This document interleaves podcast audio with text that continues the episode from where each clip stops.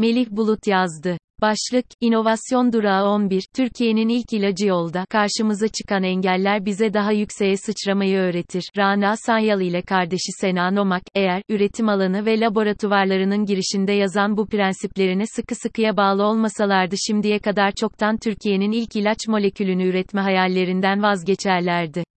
Tersine, engelle karşılaşınca bir adım geriye gidip daha yükseğe sıçradılar, yetinmediler, ekosistemi de sıçrattılar ve onların büyük zorluklar yaşayarak açtıkları yolda şimdi birçok girişimci güvenle geleceğe yürüyor. Rana Sanyalı ben Boğaziçi Üniversitesi Kimya Bölümünde öğretim üyesi iken tanıdım. Niçin kimya diye sorduğumda İzmir'in meşhur okulu Bornova Anadolu Lisesi'ndeki efsane kimya öğretmeni Aynur Ertörer'in tahtada ter döktüren sözlü sınavlarına çok çalışarak hazırlanmak zorunda kaldığını, çalıştıkça kimyayı daha çok sevdiğini, daha çok çalıştığını, daha çok sevdiğini ve sonuçta Boğaziçi Üniversitesi Kimya Mühendisliği bölümüne girdiğini anlatmıştı. Üniversiteden sonra Boston Üniversitesi'nde yeni maddeler sentezleme üzerine organik kimya doktorasını tamamlamış. Doktorayı takiben uzun süre Kaliforniya'da Amgen firmasında ilaç kimyageri olarak sentezlenen bir maddenin ilaca dönüştürülmesi üzerinde çalışmış. Yakınlarını kanserden kaybetmesinin yanında, kemoterapinin ağır ve bir türlü önlenemeyen yan etkileri gibi, kanser konusunda saptadığı çözümsüzlükler nedeniyle kansere yönelik ilaç geliştirme her zaman önceliği olmuş. Yeni ilaçların Türkiye'de de keşfedilebileceğini de göstermek iddiası ile 2004 yılında Boğaziçi Üniversitesi'ne akademisyen olarak dönmüş ve ABD'de içinde bulunduğu endüstriyel arge ortamını üniversitede gerçekleştirmek için yoğun çalışmalara başlamış. O ve çalışma arkadaşlarının çabaları, üniversite yönetimlerinin, devlet kurumlarının, bilimseverlerin katkıları ile şu anda üniversitesinde ilgili altyapılar, laboratuvarlar tamamlanmış durumda müdürlüğünü yürüttüğü, önceki yazılarımızda yer verdiğimiz bir derin teknoloji üssü olarak tasarlanan Boğaziçi Kandilli Health pek çok araştırmaya ve sentezlenen bir kimyasal maddeyi insana ilaç olarak ulaştırabilmeye olanak sağlayacak altyapıya sahip. Sena'nın öyküsü daha farklı, İTÜ Yüksek Denizcilik Okulu'nu bitirdikten sonra uzak yol gemilerinde çeşitli görevlerde bulunmuş. Sonra bir tersaneye girmiş ve hiç aklında yokken orada 9.5 yıl görev yapmış. O yıllarda çok büyük bir heyecan ve hevesle çalıştığını söylüyor. Çünkü savunma sanayi yeni başlayan yerlileşme çabaları içerisinde ve Sena'da ilk askeri gemi projelerine dahil olmuş.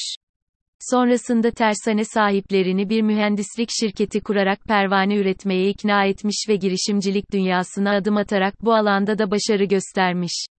Daha farklı neler yapabileceğini düşünürken bilim insanı olan ablası ile kendisinin girişimcilik ve yöneticilik birikimini birleştirmeye karar vermişler ve iki kurucu ortak olarak 2015'te Teknopark İstanbul'da RS Research isimli şirketlerini kurmuşlar.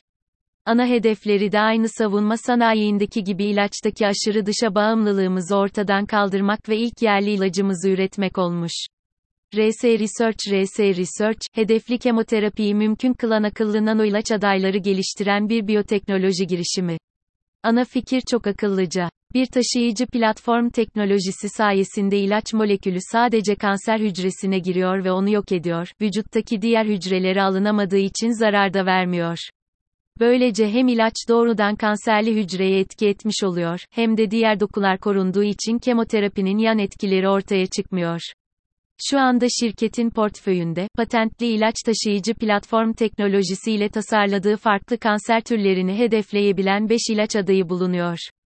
Geliştirdikleri teknoloji ile öncelikle sektörde faaliyet gösteren yerli ilaç şirketlerinden biriyle ortak projeye imza atmak istemişler ancak maalesef ilaç sektöründen görüştükleri firmalar bu teklife sıcak bakmamış.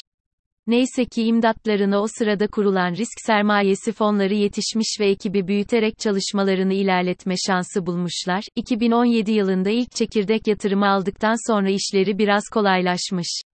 İlerleyen zamanda kamu desteği sağlamaları da yararlı olmuş. Çünkü özellikle yabancı yatırımcılar ülke kamu kurumlarının önemsemediği biyoteknoloji gibi zor bir alandaki girişimleri doğal olarak pek hevesle desteklemiyorlar. Nokta. Bugün ise 20 kişilik bir ekipleri ve klinik araştırma için gerekli üretimlerini kendileri yapabildikleri, sertifikalı bir tesisleri var ve büyümeye devam ediyorlar. Türkiye'de daha önce geliştirilen yeni bir ilaç molekülümüz yok. RS Research ilk olmanın dezavantajlarını ne yazık ki yaşıyor. Örneğin daha önce Türkiye'de bir ilaç adayının insan için geliştirilme aşamaları hiç yapılmamış. Bu süreçte atılacak adımları ekosistemde RS Research ile birlikte öğreniyor. Rana, eğer bir işi ilk kez yapmak için kolları sıvadıysanız, bunun önündeki engellere ilk çarpanlardan biri olmayı da göze alıyorsunuz demektir, diyor. 2021'de ilk ilaç adayının faz 1 çalışmaları iki merkezde başladı ve halen devam ediyor. Bundan sonra faz 2 yapılacak. Bu da oldukça uzun soluklu ve maliyetli bir süreç. Bir ilacın molekül olarak keşfinden sonra hastalara ilaç olarak ulaşması için ortalama 10 ila 15 yıl geçiyor. 1,2 ila 1,4 milyar, bazan 2 milyar dolara varan harcama gerekiyor. Üstelik bu süreç sonucunda mutlaka başarılı olunacağının garantisi de yok. Çünkü hayvanlarda etkili olan veya yan tesir yapmayan bir ilaç insan vücudunda farklı etkiler doğurabiliyor. Yine de hayvan deneyleri, özellikle kanser ilaçlarında standart iyi oturtulduğu için değerli. Büyük uluslararası ilaç şirketleri artık pek molekül geliştirmekle uğraşmıyorlar, bunu startuplar gerçekleştiriyor. Aynı mRNA aşısında olduğu gibi startup firma aşıyı, ilacı geliştiriyor, ayrı uzmanlık, lojistik gerektiren kitlesel üretim, dağıtımı bir ilaç şirketi yapıyor. Özellikle yenilikçi biyoteknolojik ilaçlar bu zincirle piyasaya çıkıyor, bizlere ulaşıyor. İyi yetişmiş genç insan kaynağımızı, temel bilim çalışmalarını destekleyerek bu alanda harikalar, hatta mucizeler yaratabilir, ihracatımızı net döviz kazandırır hale getirebiliriz. RS Research ekosistemin büyümesi ve başarı hikayelerinin artması amacıyla ulusal ve uluslararası etkinliklere de vakit ayırıyor.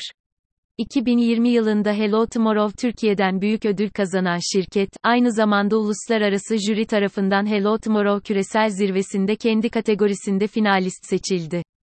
Profesör Doktor Rana Sanyal Karşır Women's Initiative programı tarafından dünya çapında 2021 yılının bilim ve teknoloji öncüleri olarak seçilen 3 girişimciden biri olarak göğsümüzü kabarttı.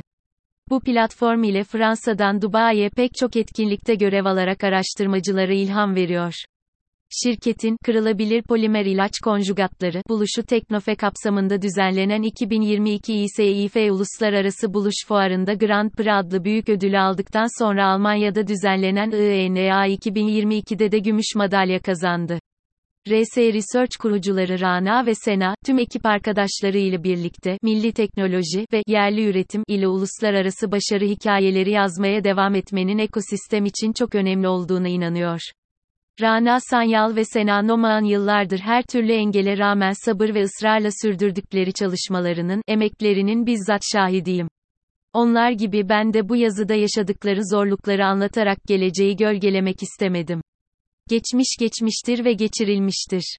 Şimdi geçmişe takılma zamanı değil, gerekli dersleri çıkarıp geleceği inşa zamanı. Depremin yarattığı ve yaratacağı devasa sorunları durmadan yakınarak değil, ancak bize yüksek katma değerli ürünler verecek biyoteknoloji gibi alanlarda derinleşerek aşabiliriz. Unutmayalım, karşımıza çıkan engeller bize daha YÜKSE yumuşak GE sıçramayı öğretir.